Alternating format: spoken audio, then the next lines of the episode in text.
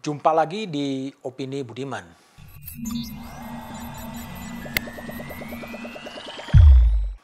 Pandemi memang membuat bingung. Bingung bukan hanya karena hoax yang bertebaran, tetapi karena juga informasi dari pemerintah yang kadang juga berbeda-beda dan itu yang menciptakan kebingungan.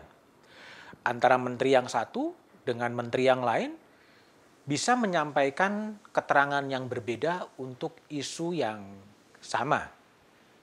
Ini harus hati-hati dan harus menjadi koreksi dari pemerintah. Karena salah-salah ini bisa mempengaruhi kredibilitas dari pemerintahan. Pemerintahan sebenarnya memegang otoritas yang cukup besar. Ia bisa memanfaatkan kanal-kanal informasi, apakah itu TVRI, apakah kanal-kanal yang lain untuk menyampaikan informasi-informasi yang kredibel, informasi-informasi yang benar dengan data yang benar. Masalahnya sekarang entah karena ketiadaan juru bicara, entah karena problem apa, informasi-informasi itu bisa berbeda-beda. Misalnya dalam konteks perpanjangan atau tidak perpanjangan PPKM darurat satu menteri dengan menteri yang lain bisa berbeda-beda. Bisa saja karena titik tekannya yang berbeda, bisa juga karena pengambilan angle dari media yang berbeda. Gaya-gaya komunikasi yang cenderung menantang publik, gaya-gaya komunikasi yang cenderung tidak punya empati terhadap publik, itu juga bisa menimbulkan antipati publik. Contohnya dalam kasus tadi, perpanjangan atau tidak perpanjangan PPKM darurat. Di Yogyakarta pada hari Jumat, Menteri Koordinator Pembangun, Pem, eh, Pak Muhajir Effendi mengatakan bahwa sudah diputuskan Presiden bahwa PPKM darurat itu akan diperpanjang sampai akhir Juli. Bahkan ada informasi, ada ilustrasi yang disampaikan soal darurat militer yang disampaikan oleh Muhajir Effendi. Itu hari Jumat.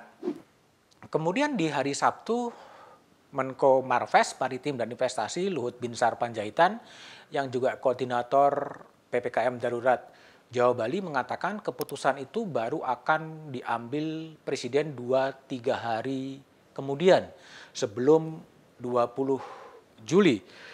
Informasi seperti itu membingungkan dan kemudian dipertajam juga oleh media. Kok bisa arahnya presiden jelas tetapi turunnya bisa berbeda-beda. Belum lagi isu soal darurat militer yang juga membingungkan karena darurat militer menggambarkan sebuah keadaan di mana kondisinya sangat-sangat parah dan kemudian militer berkuasa Padahal maksudnya kan tidak demikian. Maksudnya adalah semua sumber daya yang bisa dikelola negara kemudian dikerahkan untuk menghadapi perang melawan makhluk yang tidak kelihatan yang namanya COVID-19. Inilah informasi-informasi yang berserakan, yang membingungkan, dan ini bisa-bisa kemudian mereduksi kredibilitas dari pemerintahan. Situasi ini juga sebetulnya kalau kita mau melihat ke dalam, lebih dalam sebetulnya kesemrautan informasi ini juga karena ada ketidakjelasan alasan hukum, alas hukum yang kemudian dipakai.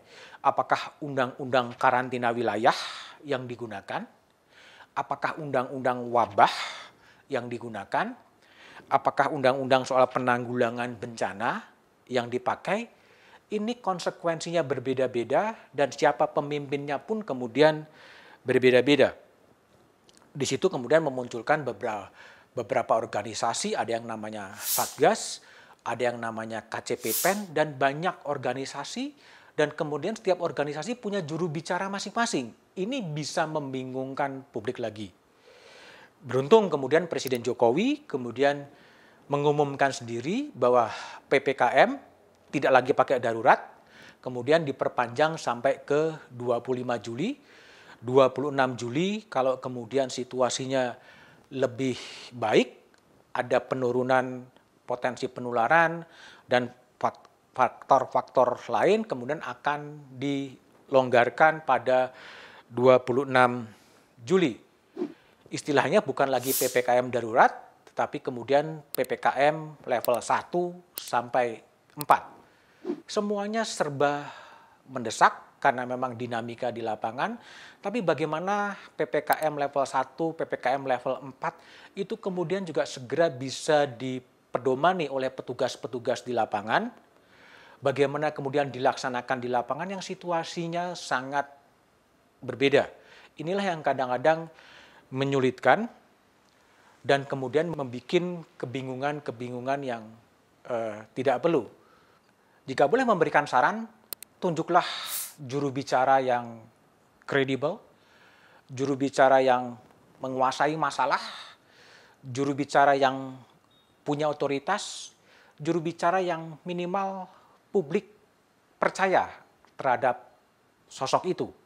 Selain pembenahan bidang hulu, pengendalian masyarakat, bidang hilir di fasilitas kesehatan, juru bicara punya fungsi untuk menjadi komunikasi kepada publik, juga mengkomunikasikan risiko-risiko yang ada dalam kasus pandemi itu.